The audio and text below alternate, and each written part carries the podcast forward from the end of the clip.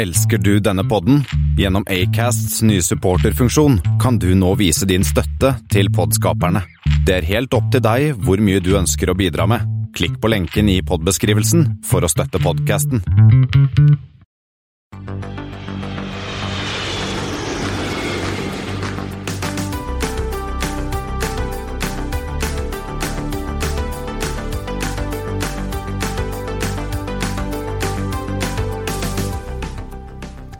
Hei og velkommen til Flypoddens flight 165. Som vanlig hører du meg, Kristian Kamhaug, og Espen S.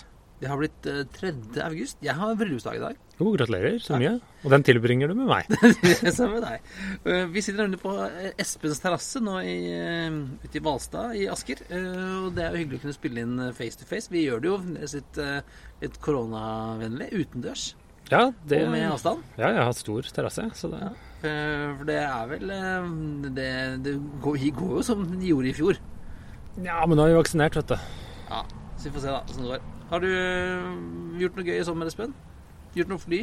Nå jeg har bestilt flybilletter. det har du gjort. Det har jeg gjort, det er det eneste flyrelaterte. Jeg har hatt en veldig fin sommer, hva med deg? Jeg, jeg, jeg, har heller ikke gjort noe flyrelatert. Jeg har sett masse fly, faktisk. Å ja. ja, men jeg har bestilt. Jeg har lagt Ja. igjen noen Flyr, og jeg har lagt igjennom SAS. hos SAS.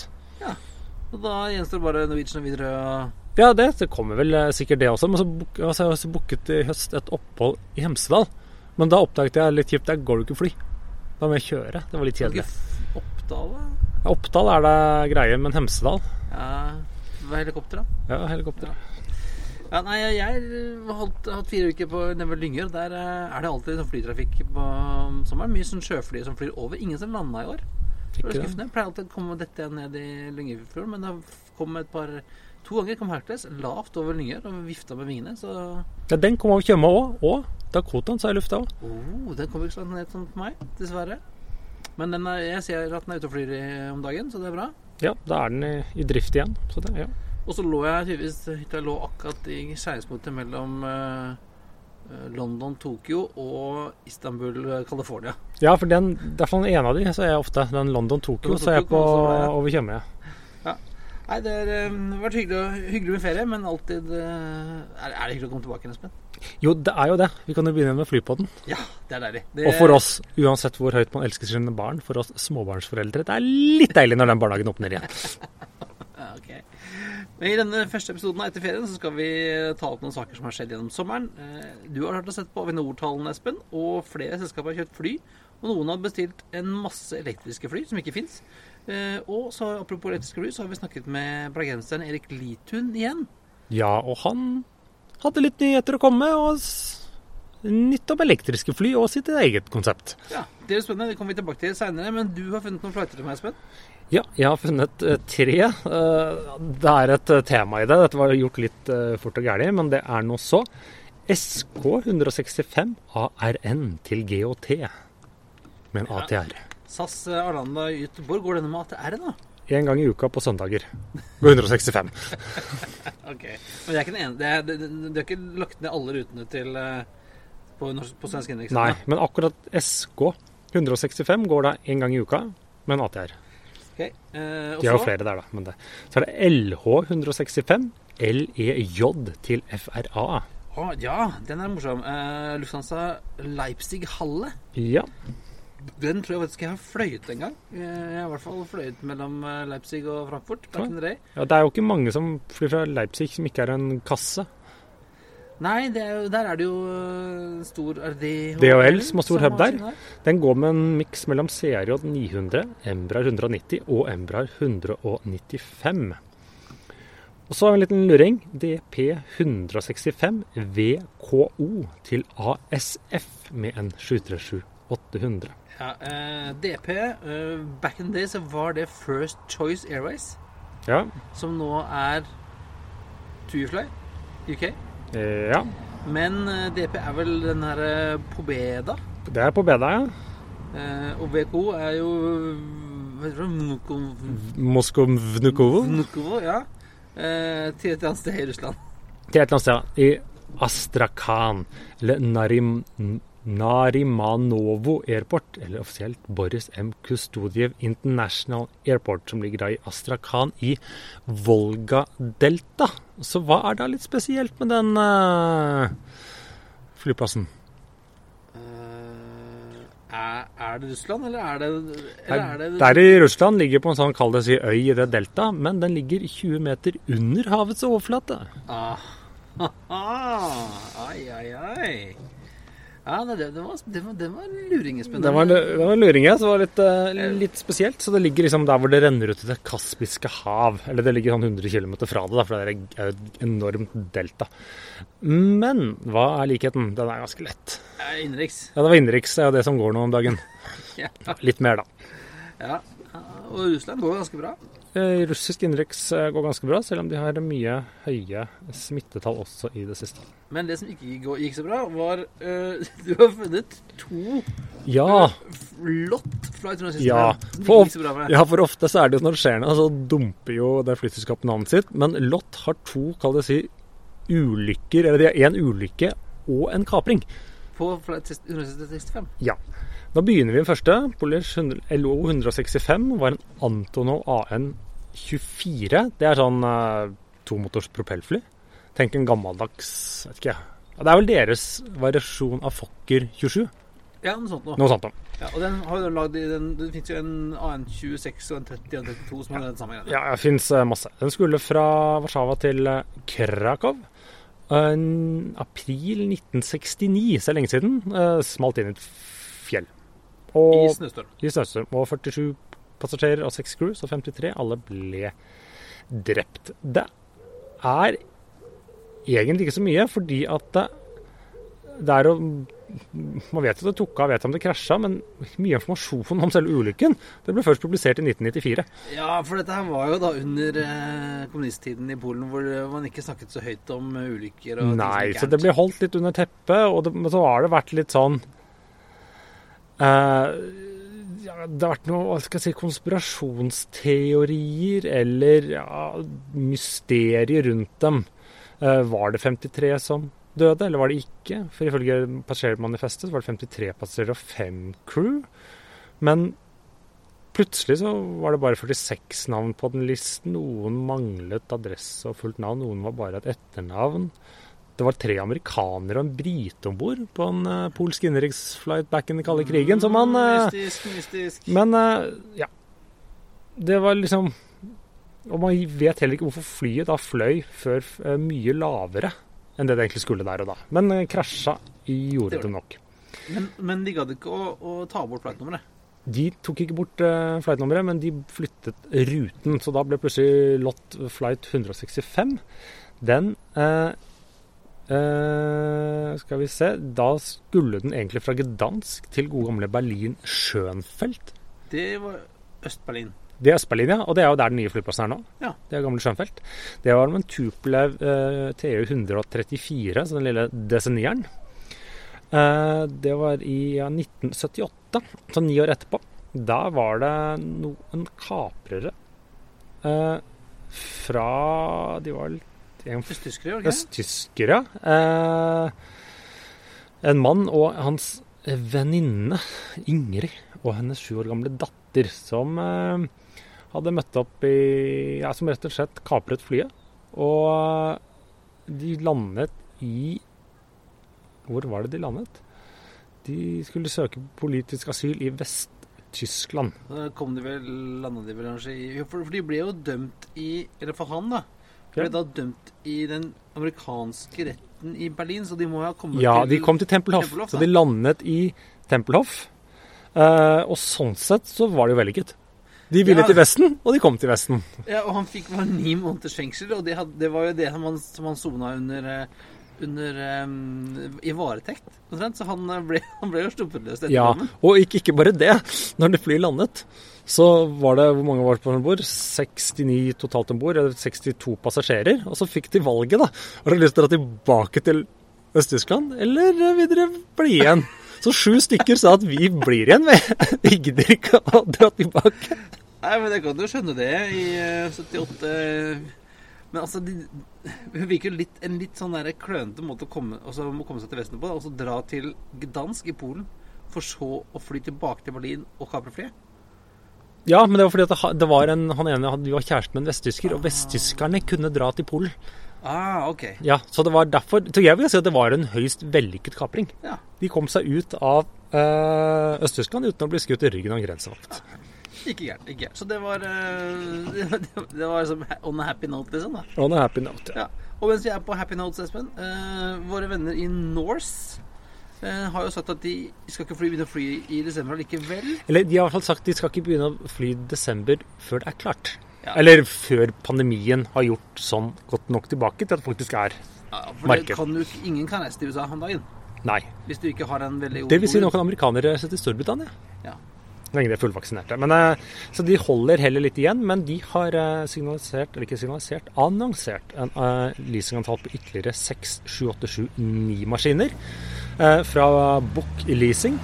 Og med hele 16 års leasing, så de har tydeligvis 16 år! Vanlig, vanlig er vel 10. 8, 6, 10 varierer litt. I løpet av de andre har 12, men da er det tydeligvis Men for Norse har de sikkert fått god, et godt tilbud, og så er det sånn for dem For enten så overlever disse et par år, og da spiller det ikke rolle hvor lenge de hadde hatt. Men hvis de derimot overlever lenge, så er det veldig gunstig. Så vidt jeg vet, er det tidligere Norwegian-maskiner dette også, og som de sier, de har knapt nok vært fløyet. Ja, det, nei, det, det er jo sant. Ja. Eh, Og da har de jo totalt 15 fly, 3 av 8 og 12 av 9, og da sier jo han sjefen selv at nå er vi der vi skal være. Da har vi det vi trenger. ja, bortsett fra passasjerer, da. Bortsett fra passasjerer og, og sånne ting, så får man se. Men uh, det som også blir spennende, er jo 10. Ja, da skal de Jeg har sett en video på eh, LinkedIn, var det vel? Vimeo. Ja, vi, har blitt Vimeo. Ja, men Ja. Vimeo er en bra kanal, skjønner du. Ja, ja, ja. Eh, Men eh, at de nå skal eh, lansere Brand Delivery da, den 10. august Ja. For det blir spennende. Det så i hvert fall ikke ut som de skulle ha en rød NASA. Nei, det var noen stripegreier. Ja. Så jeg kunne skimte på en litt sånn mystisk video. Ja. Så ja, det blir, det blir spennende. spennende. Uh, vi får se da vi- om de får noe sted, og om de kan dra noe sted etter hvert. Ja, det blir spennende. Ryktene, etter jeg forstått det, er jo at første flyet er inne til maling i Irland. Eller skal inn til maling i Irland. For det jo, de bruker vel en uke på det, og det er, eh, ja, det er en uke i dag til 10. august. Ja, Det blir veldig spennende å se. Så ser vi hvilke maskiner det blir. Om det, er, om det er disse seilflyene som står på Gardermoen som skal uh, settes i drift her. Ja.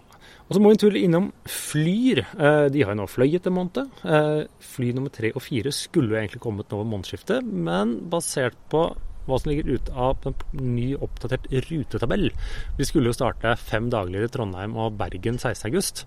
Så ser det ut som et av de flyene blir forsinket, for de har redusert Bergen til tre daglige og Trondheim til to.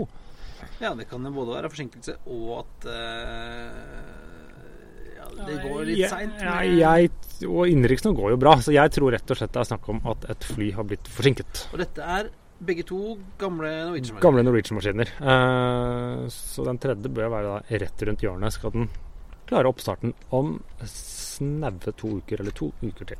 Ja, hvis jeg skal male sånn, da. Ja, det er nettopp det. Så det Bør det. Bør det. Uh, ja, men det, da blir det veldig spennende. Vi, ble jo lov, vi skal jo i løpet av høsten ta oss en tur til Flyr, vi. Ja. Og, jeg skal fly med dem. Jeg kjøper billetter. Ja. Ja, ja, igjen. ja. Betalte. Jeg ser de er veldig aktive på, på, på overalt. På Ja. radio og TV Ja, og på internetten og overalt. Men uh, gode priser, da. ja. Nei, det er derfor. For Jeg, ja, for hyggelige priser. For de hadde jo fortsatt dette tilbudet Fly Smart Betal Mini. Så da tar jeg dem til Bergen.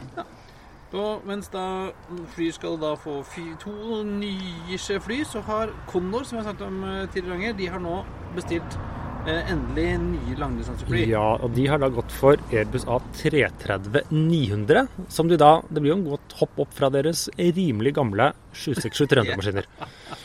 Og, eh, 16 stykker. Ja, 16. Sju skal de bestille selv, og s- ni gjennom leasing. Og av disse så er det tre som egentlig skulle til Air Asia X, og står nå helhvite nede i Toulouse. Ja, så de burde kan klare å leveres ganske kjapt, da. Ja, det, det må liksom tilpasse. Jeg tror det handler litt om når de ønsker å få dem òg, så første levering blir eh, sommeren 2022. Men Condor har jo Kondor er jo egentlig en pioner når det kommer til low cost long haul. De har jo Ja. drevet med det før Bjørn Kjos ikke håper ble født, men i hvert fall før han starta Norwegian. Ja, og de har jo fått De har jo faktisk fått fått det til. Eh, Men det er jo en slags liksom kombo. Det er en kombo, det er- mye inclusive tours og, Mye inclusive tour og mye gjennom uh, reisebyråer. og Men også, ja, sånne men også liksom at de har funnet liksom nisjedestinasjoner, og, men også da selger egne billetter. Og liksom lagd seg, mm, ja, i det spesielt i det tyske markedet, men også noen eh, amerikanske. Men de har liksom funnet noen steder, så de har liksom fløyet sånn to ganger ukentlig Frankfurt Anchorage og Ja. Portland og, og sånn Zanzibar, og liksom funnet steder hvor de med sin kostnadsstruktur og da lave frekvenser har hatt en suksess. Anchorage det er kanskje noe, noe sånn cruise sånn. Det er sikkert i samarbeid med det, men også tror jeg bare tyske turister som har dratt dit. Ja, ja. De liker det når det er kaldt og det er fisk, da. Ja. Men Og så er det en, en sak som kom i dag, Espen, eh, som både du, du og jeg er litt av. Den islandske Bluebird Aviation. Som vil ha fløyet eh, et par, en, par skyttersjuer eh, Ja, de har en fire, fem, seks, sju eller noe sånt. Og Skytersju Classic, det er vel én 300 og resten 400. Ja, noe sånt noe. Ja, Som de flyr litt rundt. Jeg lurer på om de blant flyr fra DHL på Norge. Ja, det, jeg, de, jeg har sett dem i Bergen. Ja, og Jeg lurer på om de flyr sånn Bergen-Stavanger Ja, men de har en sånn Bergen-Stavanger ned til europarute. Eller så flyr de begge deler separat. Det er jeg litt usikker på. Men de kliner til. Ja, De fikk nye eiere vet du, tidligere i år. Ja, hvem Et britisk fond. Ok. Men de er jo islandsk registrerte og sånne ting. Men de har da inngått en avtale, eller har sagt de skal få 25 737-800 BCF, som er jo konverterte 737-800-maskiner. Men det er jo en kraftig økning i Ja. flåten. Og slik jeg forstår det, så kommer de første allerede til høsten. Men i dag De flyr jo ikke sånn De flyr sikkert noe selv og på noe eget hva skal jeg si, regning, og du kan lease dem, men de flyr jo litt sånn wetlist for charteroperatører, så da er det jo spørsmålet har de fått en kontrakt? Skal de fly for noen? Ja, og vel kan vel hende Altså, noe rykter vi, vi spekulerer på at det kanskje, kanskje det er Amazon? Kan det være Amazon? Primer. Eller kan det være DHL? Ja. Eller noen andre?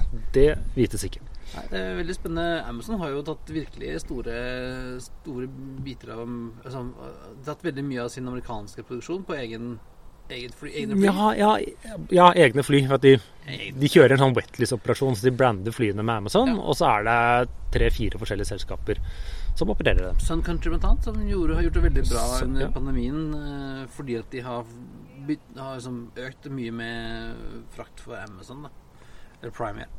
Så Eller så ja, Jeg har jo, som vi sier, yes, Avinor de kommer med ukentlige passasjertall. Nå har jo ikke de offisielle julitallene kommet ut, men denne uken så nådde vi i Norge for første gang 50% av 2019-trafikken. Ja, og jeg så et tall fra Flightradar 24 år, at, første at vi nå har passert var det 100 000 flighter på en dag. Ja, det var for et par uker siden. Og i USA nå så er de nesten tilbake på fullt på innenriks. Men det er fremdeles sommerferie. Det er, jo, det er fremdeles sommerferie, så det er også spørsmålet. Men sier at 50% var Avinor eh, forrige uke, og det er jo innenriks som drar den. Innenriks ferietrafikken. Fordi at man har ikke kunnet dra til utlandet. Så eh, jeg ser bl.a. Evenes har jo flere passasjerer nå enn i 2019. Mens Tromsø og Bodø ligger bare bitte lite grann bak. Oi, er det et fly også, Espen? Ja, det er fly over oss. Jeg bare hører det. Så da dukker det vel eh, snart opp. Men eh, Og OSL har nå ligget og touchet rundt en kvart million i uka.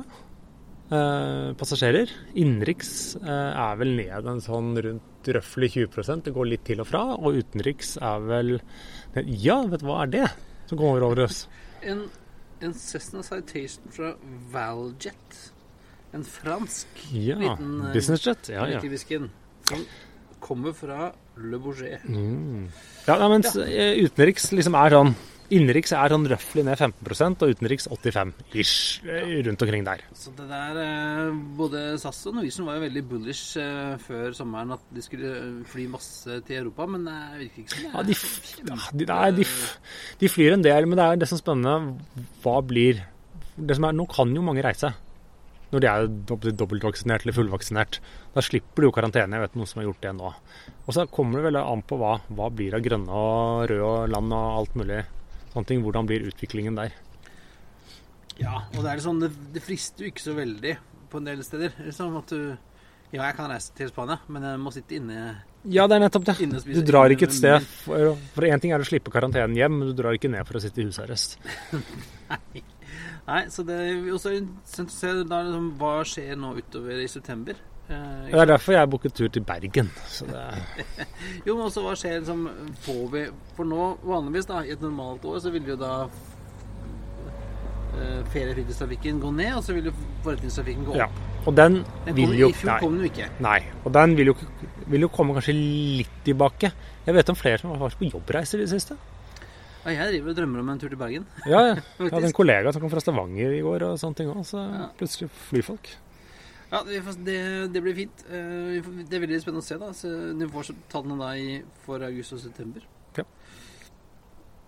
Og vi, Mens vi prata om frakter i stad, så glemte vi jo helt at Airbus har lansert at de skal bygge endelig nå skal bygge en ny frakter. Ja, Det er vel ikke sånn formelt lansert, men- styret har sagt at dere får lov til å gå og prøve å selge den. De skal lage en frakter A350. Jeg har hørt litt av hvert, men primært da så skal den baseres på en 1000. 1000, ja. Men om den skal være like lang som en 1000, eller om den bare skal ha liksom kraften til en 1000, det eh, vet jeg ikke helt. Men den blir jo en veldig farlig konkurrent til 777-frakteren, som De har jo fått lov til å regjere lufta alene ganske lenge. For at har ikke hatt Eh, ja. noe tilsvarende. Og Boeing prater jo om å lage en 777X-frakter av nye, for slik jeg har forstått det, så er det noen regler når det kommer til utslipp og støy og gjør ting som gjør at Boeing sine fraktere ikke kan produseres for kommersielt bruk. De kan brukes, men de kan ikke produseres nye etter er det 2027 eller 2028.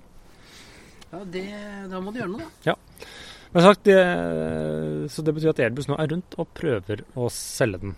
Eh, Jeg har jo foreslått for en cargosjef her, her med de grønne at han bare kunne bestille en og spørre om tilgivelse istedenfor tillatelse, men det Letter of intent, Ja. er ikke det, er ikke det man driver med? Ja, øh, men øh, i tillegg til de som da kjøper litt sånn småtte, småtteri, sånn 25 her og, og, og 4 her og sånn, så har da Azul, våre venner i Brasil, klint til og bestilt, jeg sier bestilt i gåsehudene, øh, 220 stykker. Ja, men det er en sånn veldig stor drone. Ja, jeg ikke, altså uh, Tyske Lilium uh, De har holdt på et år, par år med en sånn EV-Tool. Ja. Uh, de kaller det en jet, men den er jo eh, Det er 36 motorer på den. Sånne ducted fans. Så det er jo egentlig propeller inni et høl. De har satt på 36 hårfønere Ja, ja, det er det det ser ut som. uten varmeelement. ja, kanskje skal og den, Men den, den flyr jo faktisk. Ja. Eh, Den her testa. Den, eh, den, den eh, skal de kunne klare å levere. De sier at de skal være i trafikk innen 2025. Ja. Og to Jeg sjekka litt. Det, jeg har visstnok bestilt 220 av de. De koster en 400 og- Nei, da 4,5 millioner dollar per stykk. Og skal ta seks passasjerer. Det er mye per sete. Ja, men altså de skal, Men de kan jo fly innmari mye, da. For de, må, de flyr ikke så langt. Nei. De har en rekkevidde på det var 250 km. Eh, Men sammenlign seteprisen på den, det blir jo sånn nesten en million dollar per sete. Ja. Sammenlign det med en 737. ja, men det koster ikke en også en 100 millioner dollar? da? Eh, Listeprisen er det. Ja, ja. Og så kan du Vi får se hva den, hva den kommer til å koste. Men altså, den, det, det er jo De skal da bygge, sier de, Lilium og, og Azul, et sånt nettverk av, av eh, for Evetol-fly ja. i Brasil. Det, det høres jo gøy ut, Ja, det høres ut men som så, ganske dyrt. ja, så får man jo se. Og vi, det hopp tar oss videre til United. For de bestiller jo, eller legger inn en tentative ordre på alt av konsepter som kommer nå. ja, så hvis du har en idé om et fly som kan fly enten stille eller uh, veldig fort, eller veldig langt, eller uh, på strøm, eller på gammel pommes frites-olje eller noe, så er det bare å løpe til Scott Kirby og, og selge. Ja, for de har da en tentativ ordre på 100 av ES-19. Dette svenske 19-seteren fra Heart Hard Heart Airspace. De har et, da bestilt i gåsehudene 100, og så har jo Mesa, som er eh, United Express, også 100. Nei, det er sammen. Nei, det er 100 på hver. Nei, jeg tror det er 100 Det er 100 hver. Er det 100 Det er 100 hver. Det er det som er så gøy. Det er 200 av de. Ja, jeg tror det bare 100. Men det jeg uansett ikke helt skjønner, er bruken av dem. Nå kan du si at si 19 seter og bla, bla, bla. Hvordan er det kostnaden, og det spiller ikke noen rolle. Men hadde Widerøe bestilt dem, så hadde jeg liksom forstått det. For her skal de begynne å fly dem til Ørsta. fra et eller annet sted. Mens United er jo veldig sånn hub-basert. I dag, i hvert fall. da.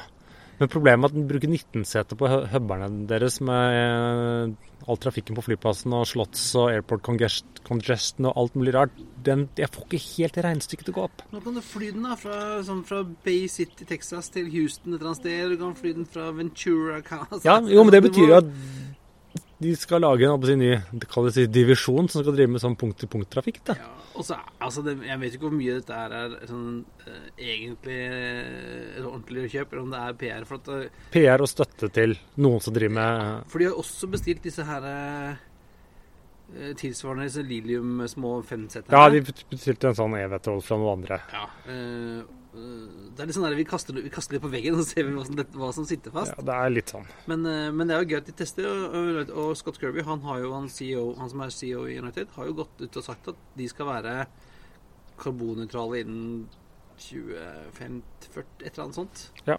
Um, så det er litt sånn eh, Ja, la oss, de kan være med og teste litt og, og putte litt penger i noen prosjekter. da. Det ko- koster ikke all verden. Ja.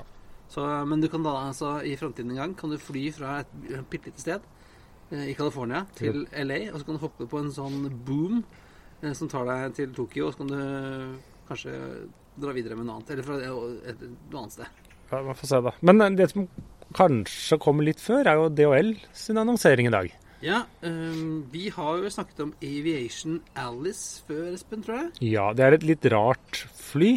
Som har blitt litt mindre rart. Litt mindre rart, ja. Men det har fortsatt T-hale og to propeller bak, eh, og ser ut som det der romskipet til Branson Ja, i formen. Ja, eh, de, det var jo enda rarere. Først hadde de jo V-hale og propeller på vingene, men nå har de blitt litt mer sånn som en sånn, eh, en sånn CBA 123, skulle de. Ja, ja. Men altså et elektrisk fly utviklet av noen israelere, men nå basert i USA. Ja. Eh, DHL Express har bestilt tolv eh, frakter av denne. ja. Aviation Alice i cargo. Nå skal det sies at tolv bitte små propellfly for DHL er vel det som, er det som kalles pølser i slakteriet? ja, eh, det er det. Eh, De sier at de skal få første allerede i 2024. Denne har jo, motsetning til, til Lillum sin, ikke fløyt. Den forrige dragde brant jo opp. Ja, de lagde et konsept, og så var det feil med laderen, så brant det opp eller noe sånt. da. Men eh, den skal da kunne flys med én pilot og ta 1,2 tonn last. Og kan fly 440 nautiske mil.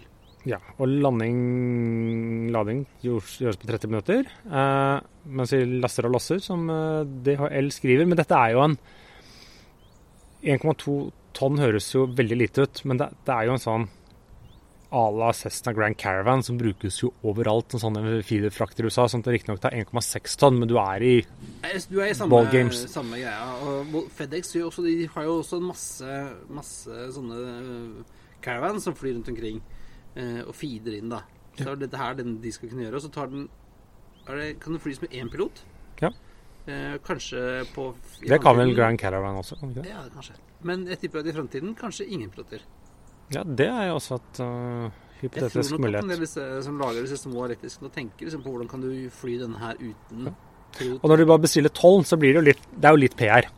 Det er mye PR, tror jeg. Og jeg vet jo at DHL, eh, andre deler av DHL kikker på andre typer konsepter og alt mulig rart. Så det er litt sånn Det virker som at nå kan du, hvis du har en idé om et elektrisk eh, fly, flymaskin, så er det bare å, å lage noen powerpoints og en video, og så er det bare å gå ut og hente penger. Men sjelden har det gitt en bedre overgang til et intervju. Ja, veldig bra, veldig bra. Eh, vi har snakket med Erik Litun, eh, bergenseren, som, vi har, som jeg har prata med før. Ja. Eh, Han er jo en, en veldig entusiastisk elflytilhenger. Gründer. Gründer. Og har, jo dri- eier det selskapet Elfly i Bergen. Og lanserte før sommeren et nytt konsept med et elektrisk amfibiefly. Oi. Så, men skal vi bare la han snakke litt om det? Om det? Vi, vi beklager at denne er tatt opp på, fra hytta på, på Teams, så lyden kan være litt eh, rar av og til. Ja, da har vi fått praten prate med Erik Litium, som er sjef for Elfly. Og vi snakket jo med deg i fjor høst, eh, Erik. Hei, hei. Ja, det var en veldig gøy prat i Bergen. Og nå prates vi over Teams, så det er hyggelig, det òg. Ja. Og sist så snakket vi om disse By Aerospace-maskinene 18, som, 18 som dere hadde bestilt. Ja. Uh, og, men så dukker det plutselig opp en sak her i E24 for et par dager siden om at dere nå lanserer noe de kaller for et byfly. Ja, det stemmer. Vi har jobbet med et prosjekt litt sånn under radaren i eh, et års tid. Med å se om vi kan lage et uh, norskutviklet sjøfly. Det er rett og slett så, så gærent og spennende som det høres ut. Uh, vi må lage noe i Norge for det norske behovet, og ikke bare stå med luen i hånden og kjøpe noe fra utlandet. Kan du da fortelle litt både hvorfor dere kaller dere et byfly, og hvor, hvorfor et sjøfly? Jo, eh, altså byfly det, var bare, det er et prosjektnavn, så det er ikke det endelige navnet. Vi har et par eh, andre navn på blokken, og det heter sånn X10, som er sånn at det skal få et eh, flynavn også til slutt etter hvert. Men eh, nei, sjøfly. Hvorfor sjøfly? Jo, luftfartshistorien i Norge starter jo i stor grad med sjøfly. Og Hvis du ser på de uh, første flyrutene i Norge, så var det jo sjøfly det gikk i. Jeg er selv oppvokst ved siden av sjøflyhavnen i Sandviken. og så unge så satt jeg og så ut på sjøflyene som kom og gikk. Og uh, når jeg var liten, så ble jo fortsatt Bergens Tidende levert langs kysten med sjøfly. Uh, men uh, det er helt slutt. Og hvorfor er sjøfly slutt? Det handler om at etter andre verdenskrig så ble det bygget masse flyplasser. Og det er jo ikke til å stikke under en stol at det er enklere å lande et fly på en flyplass i utgangspunktet, med passasjerer og logistikk og det hele. Og da um, har sjøfly noen utfordringer med det at dagens sjøfly er 99 av tiden altså ombygde landfly til vann. Og det Vi gjør det er at vi går tilbake i historien og så snur vi på det og ser på disse flying boatsene som har gode sjøegenskaper, men kan ta ut hjul. Altså vi snurrer rundt. De er jo mye fetere. De er mye fetere, og der tror jeg meg og deg har en felles interesse. For dette er vanvittig kule fly. Men hvorfor ble de ingen suksess? Og det er fordi at Den gang i mellomkrigstiden når de bygget de, så ble de jo bygget i så jeg sier, stål og betong. Altså, Vektgreiene var jo ikke Det funket ikke. Og Hvis du ser på de større flyene, så hadde de jo Pga. at du trenger mye hestekrefter idet du drar et fly ut av vannet, så har de jo kanskje fire motorer på 200 kg hver. sant? Og, og det, det, går ikke i hop helt, alt dette. Og da, da, er vi såpass gærne at vi tenker batterier må jo være smart. Da veier jo motoren nesten ingenting og gir Men, masse hestekrefter. hva, med batteriene? Ja, der har vi tenkt at hvis du legger batteriene i bunnen og tenker litt sånn som Tesla gjør, så får du et uhyre stabilt båtskrog med et lavt tyngdepunkt. Og Da vil du unngå en del av de tingene som et sjøfly i dag ville slete med, med at det tipper rundt hvis det lander litt feil. Eh, Og Da har vi plutselig et veldig bra båtskrog med gode båtegenskaper, som vi da putter vinger på, og så flyr det. Ja, og selv om Norge ikke har laget så mye fly i, i, i historien, så har vi jo lagd veldig mye båter. Det kan vi. Det kan vi. Og vi har utrolig mye kyst, og markedet for dette tror jeg er definitivt til stede. Så vi forsøker å tilnærme oss litt med det at vi skal være glad i produktet vårt, men vi skal elske business-casen. Og altså, Dette er da elektriske sjøfly. eh, Størrelse sånn at det var ni seter omtrent, var det ikke sånn? da? Ni, ni seter og én pilot er det vi legger opp til. Men det her er jo ikke tallet spikret helt i, i, i Eller hamret i stein, eller hva man sier. Det er eh, et fly som skal ta ni passasjerer, ha én pilot. Ha en range på ca. 250 km. Én time med flytid altså i det. Og da 30 minutter reserve i tillegg. Det er tanken. Og så har du da rullebane over langs hele kysten. Så plutselig er det muligheter å reise fra Odda til Bergen på 20 minutter. Eller å reise fra Stryn til Bergen på 45 minutter. Og det er jo sånne steder på vestlandskysten. altså Odda til Bergen er jo fort tre timer. Og Vi snakket med en av de politikerne som hadde hatt en sånn eh, helvetesuke der han hadde vært på fem møter i Bergen. Og hadde reist tur-retur Bergen fem ganger på en uke. Og Seks timer i bil hver dag. Eh, Det er jo pre-korona, da, men, men eh, vi tenker på det at eh, det kan åpne for nye bosettingsmønster. Du kan ta det inn som en del av kollektivtransporttilbudet. og det brukes jo uhorvelig mye penger på kollektivtransport i Norge uansett. Og Hvis du tenker hurtigtog, så er jo 250 km i timen sikkert høyere snittfart enn det vi Vy kjører i Norge. Mm. Og Noe av problemet med, med sjøfly, da, eh, i, både historisk og, og, i dag, som vi snakket med han Daniel fra Scandinavian Seaplane, så er det jo at kostnadene er så veldig høye. Ja. Men med elektrisk drift så har du plutselig kuttet kostnadene ganske mye. Ja, for Et av de andre store problemene hvorfor sjøfly er en marginal ting i dag, er at sjøfly per i dag har eh, en forbrenningsmotor. og Den må suge inn masse oksygen, og da suger den inn saltvann. Og Når den suger inn saltvann i motoren, så har du et lite eh, helvete med vedlikehold for å holde dette og vaske det og stelle det. Eh, og det tror vi at eh, altså Hvis et sjøfly i dag er to ganger, to og en halv gang til ti ganger et sted så dyrt å ha i luften som et vanlig fly, så er det en av de faktorene som er vesentlig til at sjøfly ikke brukes i dag. Og med et lukket motorsystem med en elmotor som ikke suger inn noe luft eller noen sånne ting, og du bygger skrog i moderne materialer som tåler saltvann, da tror jeg du har en vinnende kombinasjon. Ja, for kan, Nå kan du jo bygge ganske bra ting i kompositter som, ikke, som aldri ruster. Eh, og Som du sier, så trenger jo ikke elmotoren trenger jo ikke luft, så den kan jo være lokka inn og, og være sikker på at du ikke får noe, noe vann inn der. Mm. Og Nå bygges jo disse hurtigladerne for elbåter ut langs hele kysten òg. Så uh, strøm er det jo også veldig mye av på kaiene pga. at veldig mange skip kommer inn. og de Altså På Bergen havn her så er det jo et uttak for cruiseskip som kan levere like mye strøm som Askøy kommune tar på en sommerdag. Så strøm er det på kaien ofte. Og eh, da er det jo bare å lade dette her og fly. Så dette, så sagt, Du nevnte jo dette kan jo da både brukes som en sånn kall det si lokal kollektivtrafikk til steder hvor det pga. topografien og geografien i Norge tar lang tid. Uh, I tillegg til en sånn også glimrende måte for hva skal man si, mer airtaxi-virksomhet i tillegg. Du både mm. kall det si faste ruter og kall det charterruter. Mm. Og så kan jo Thomas uh, få rekene sine helt ut til Odda da, uh, med denne her. Altså, det, kan jo det kan jo være frakt og det kan være pasienttransport og sånne ting også?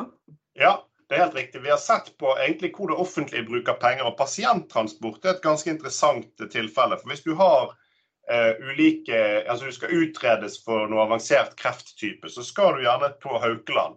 Og Hvis du bor i Stryn kommune, da, så er det fem og en halv time du kan velge mellom en hurtigbåt eller en buss. sant? Og så skal du gjerne overnatte på Haukeland, og så, eller komme deg frem og tilbake. Men hvis du kunne flydd altså tur og tur på 45 minutter, sentrum til sentrum, og vi har jo eh, dette med at du da kommer deg fra altså steder som ikke har flyplass. La oss si Måløy, da. Så har en og en halv time, en time reisetid til Florø, som er en flyplass. Så kan vi gå direkte fra Måløy til Bergen. Men vi kan også gjøre sånne ruter som f.eks. Måløy til Flesland. Og så flyr du videre på fotballturen til London med et vanlig Norwegian SAS-fly. Eller flyr, selvfølgelig.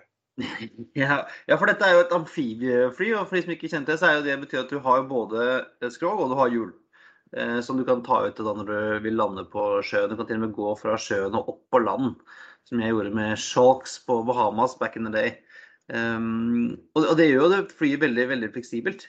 Ja, og det er det vi tenker på. at det der sier Vi må være, uh, vi må elske business casen. Vi må i dette prosjektet på dette tidspunktet her ha så mange gode business caser som mulig vi planter inn i det produktet vi utvikler.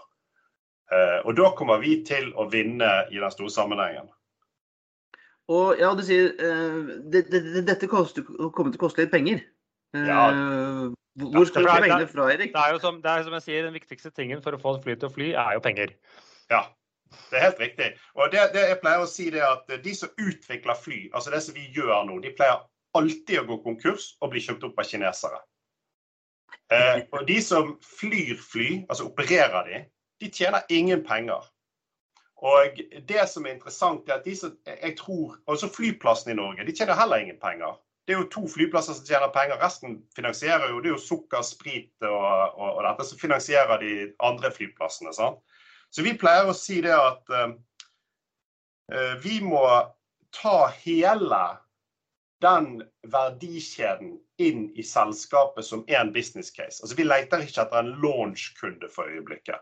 Og så må vi se hvordan vi kan redistribuere gevinsten av at det kanskje blir 90% billigere å befinne seg i luften med et sånt fly, sånn at alle blir vinnere. Dvs. Si at vi, hvis vi produserer flyet, blir en vinner, for vi tjener mer penger på å produsere fly. Og de som opererer flyet, skal tjene mer penger. Og jeg pleier å si det at business-casen trumfer alt. Og hvis vi greier å utvikle en business case der alle kan tjene mer penger, da har alle lyst til å være med. Og da får vi det til. Men du trenger, jeg så I E24 snakket om at du trenger en 1-2 milliarder for å komme i gang? Ja, det, det er jo eh, Eh, det er morsomt, for at noen sier helsike, det er mye penger. Og så er det noen som sier hm, det var ganske billig. For Hvis du tenker på at én meter med jernbaneskinne kanskje koster 300 000 kroner å bygge, så er det jo litt sånn at da begynner perspektivet å, å bli litt annerledes. Så Hordfast E39, eh, e som skal gå langs kysten av Norge på Vestlandet, den skal jo koste 400 milliarder. Sannsynligvis det doble eller det triple. Og vi er jo blitt pensjonister før den er ferdig. sant? ja, for denne Dette er jo også mulighet til å egentlig løse en del av de si, behov for hurtig transport som man kanskje egentlig hadde tenkt å løse med, med hva skal jeg si, den eh, utbyggingen av E39. Mm. Ja, og, og, og, det er det at Hvis du først bygger en vei, så skal vi krangle i ti år på hvor veien skal gå. sant? Og så er spørsmålet kommer den veien til Odda. Og hvis svaret er nei, så kommer Odda til å ligge på siden alltid. Og hvis vi har dette som et produkt, altså Visjonen vår er at i 2030 så skal vi ha opp mot 20 fly sertifisert i kommersiell produksjon på vestlandskysten. Og den fleksibiliteten vi kan ha da, med å fly til hvor som helst i 250 km i timen i rett linje. Det, mm. det, det, er jo Det gjør jo at hurtigtog til og med blir bare tull. Og eh, jeg kan si en annen ting som vi også har sett på, det er jo dette med sikkerhetskontroll. og Det er, sånn, det er jo egentlig ingen som vil til en flyplass, bortsett fra kanskje dere to, da og, og, så det å gå gjennom sikkerhetskontroll Vi har hatt det som sånn tull at, eh, som en business case. Da, at vi sier at det kan være sånn ekstraservice du betaler for, så kan piloten ta en sikkerhetskontroll av deg. For det er ikke krav til sikkerhetskontroll så lenge flyet er under ti tonn. Mm. Da kan, du, ja, da kan du egentlig kjøre hvor som helst eh, hvis du bare har eh, kaianlegg som passer. Og som du sa, så er det jo veldig mange av, av ferjene etter hvert blir jo elektrifisert. Så hvis du tenker deg å bruke samme eh, teknologi, da, kan du lade opp med, på samme plassen som du lader opp eh, Fjord 1-ferja? Altså, Teoretisk så kan du jo det. Jeg vet ikke, altså det Fergene bruker veldig annen altså selve ladeteknologien. Men det er masse strøm der på den kaia. Mm. Og Da er det jo bare å sitte opp ladestasjoner og, og, og lade fly. Jeg hørte jeg snakket med noen eh, kolleger som sa at her, når du lader opp en ferje, så trenger du 6 megawatt eller noe sånt. Ja. ja. dette flyet vi jobber med nå, det bruker uh, like mye strøm altså det, eller Batterikapasiteten tilsvarer like mye strøm som fire Tesla Model 3-er. Og det, det mm. sier jeg alltid for å gi folk et perspektiv. Det er jo ikke så mye. Nei, det er ikke det. Og det er derfor Når folk begynner å snakke om elektrisk luftfart, så begynner folk å gå opp i sånn megawatt-størrelser veldig fort. Og vi må huske på at elbilene kom jo fra Tinker Buddy.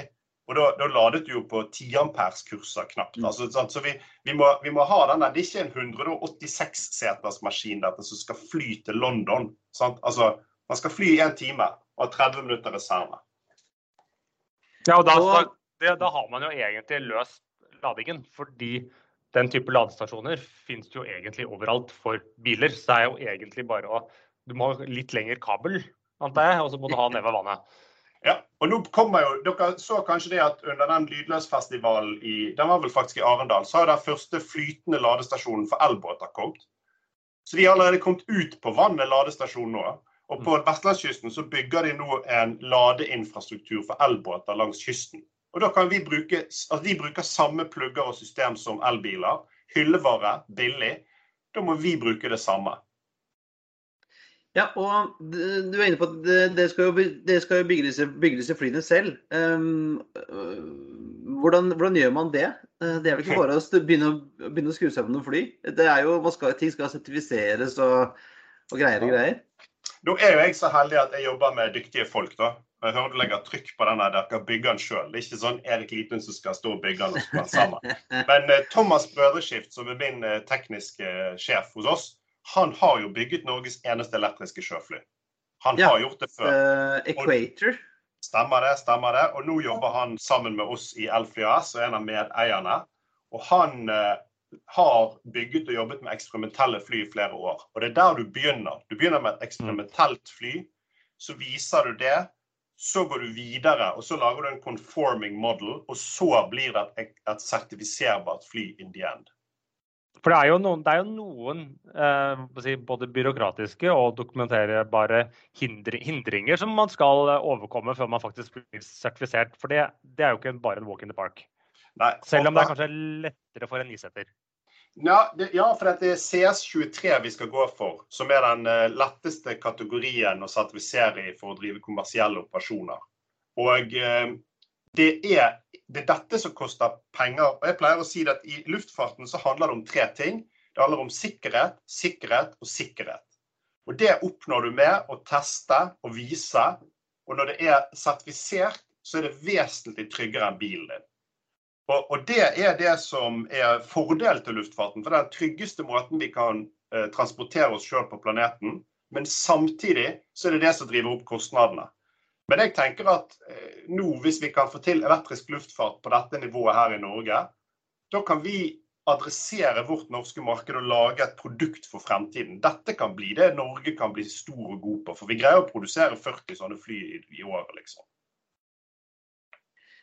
Og når du er ferdig med Bergen, så kan du godt sende noen ned til eh, Oslo, så vi kan ta flyet ned til hytta på Lyngør også, Erik. Ja, vi har tenkt på det, vet du. Det er jo veldig greit å så ha direkterute fra Tjuvholmen og så ned til Tjøme. Sant? Ja. Det er jo ikke noe problem.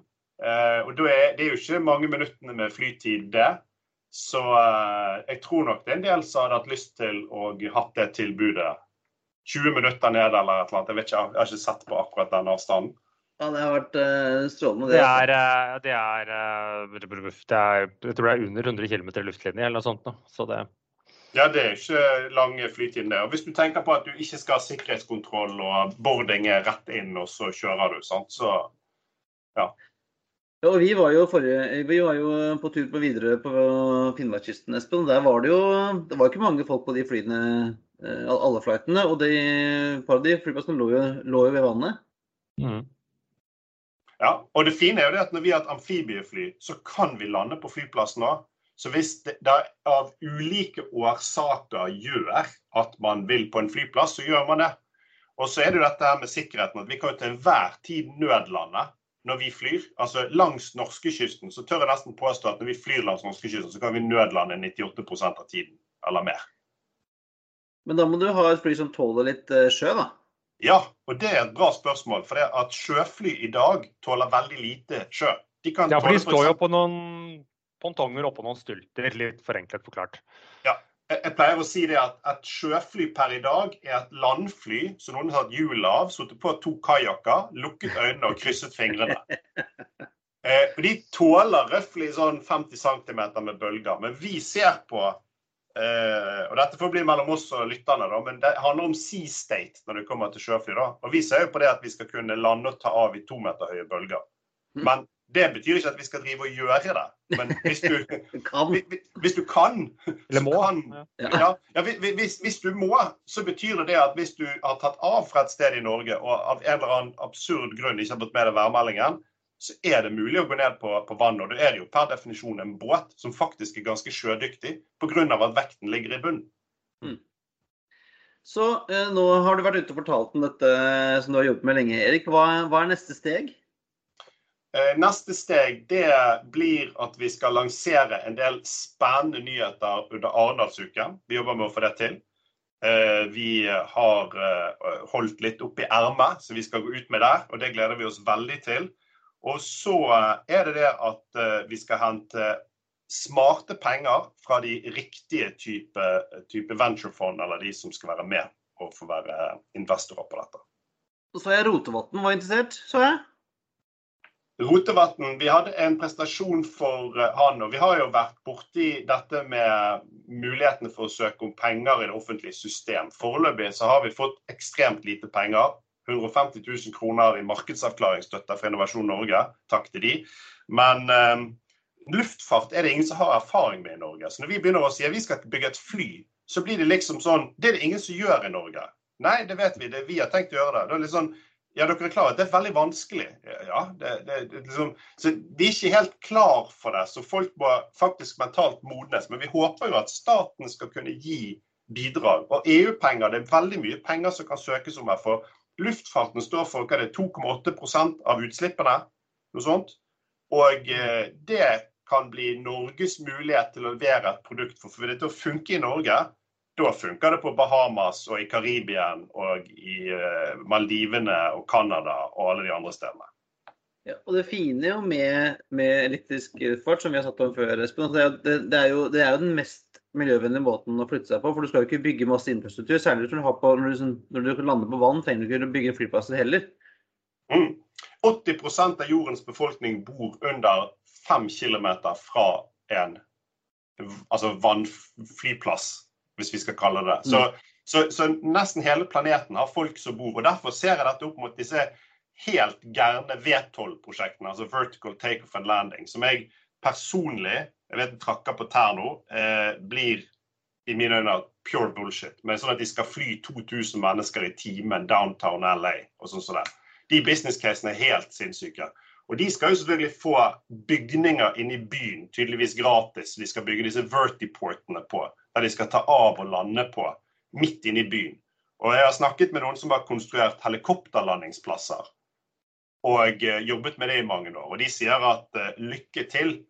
Uh, for den første ulykken kommer til å skje når en sånn blåser ned en av bygningene der. Og da kan du bare glemme det. New York sitt luftrom er stengt for helikopter, og det er ikke uten grunn.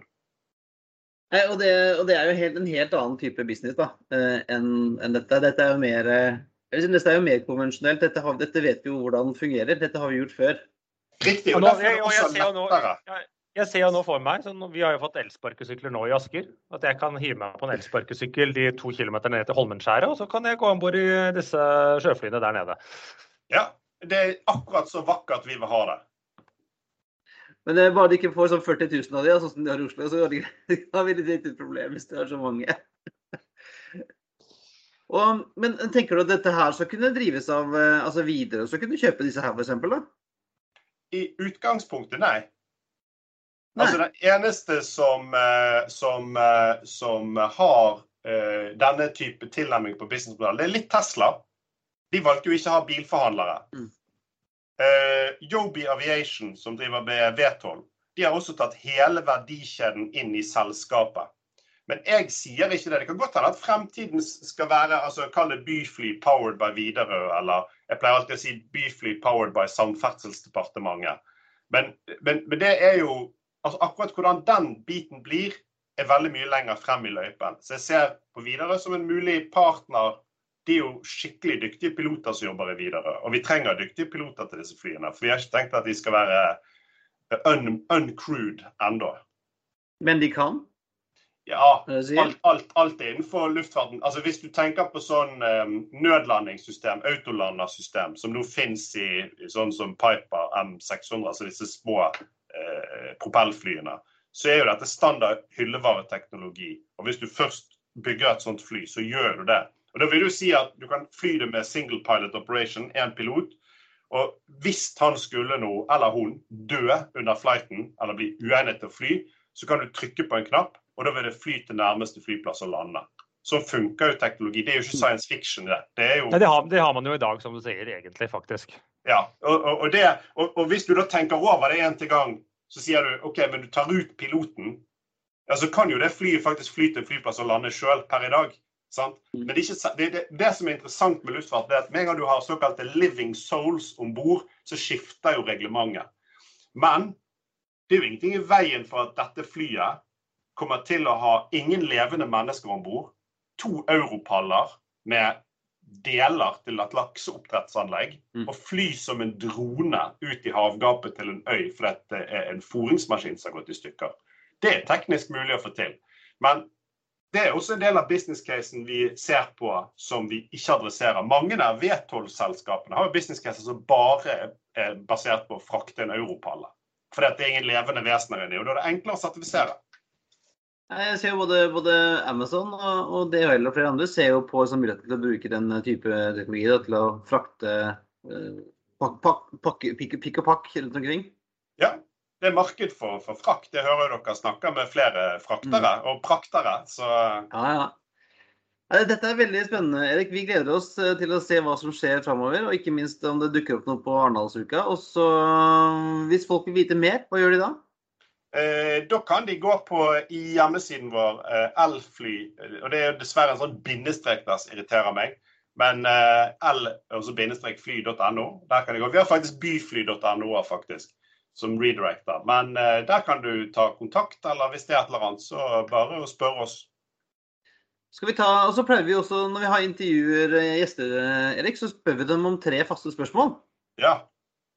Så Espen, eh, take it away. Ja, hva er din favorittflyplass? Og hvorfor? Oi. Um, ja, jeg er egentlig um, Ja, hva skal jeg si? Favorittflyplass? Sørstokken på Stord. For der har jeg flydd mye når jeg har tatt den godeste flylappen. Touch and go. Den er akkurat passelig utfordrende med litt fjell, litt vind, litt turbulens. Og Det er på sånn privatflygernivå, rett og slett. Og neste spørsmål er da eh, vindu eller midtgang? alltid vindu. Helst litt bak vingen, så du ser vingene jobbe og forandre og innflyging og alt dette. Det er jo veldig gøy for oss flynerder. Er enig i. Og, og hvis du måtte velge dra til én destinasjon resten av livet, hvor skulle det vært? Det er jo selvfølgelig Bergen. For det at eh, I all beskjedenhet. Ja, i all beskjedenhet. For da betyr Jeg elsker jo Bergen og har Jeg har reist veldig mye. Men hvis, rei- hvis, hvis det er en flyplass jeg skal reise til, og det er Bergen, da betyr det at jeg har jo vært ute og reist. Og kommer hjem. Og det er jo fantastisk. Det var herlig. Tusen takk, Erik. Vi, eh, vi får bare følge med hva som skjer. Og jeg er jo sånn sett veldig, gleder meg veldig til du kan lande et, eh, et byfly nede i eh, Blakstadbukta. Er der jeg bor. Det skal vi ordne, vet du.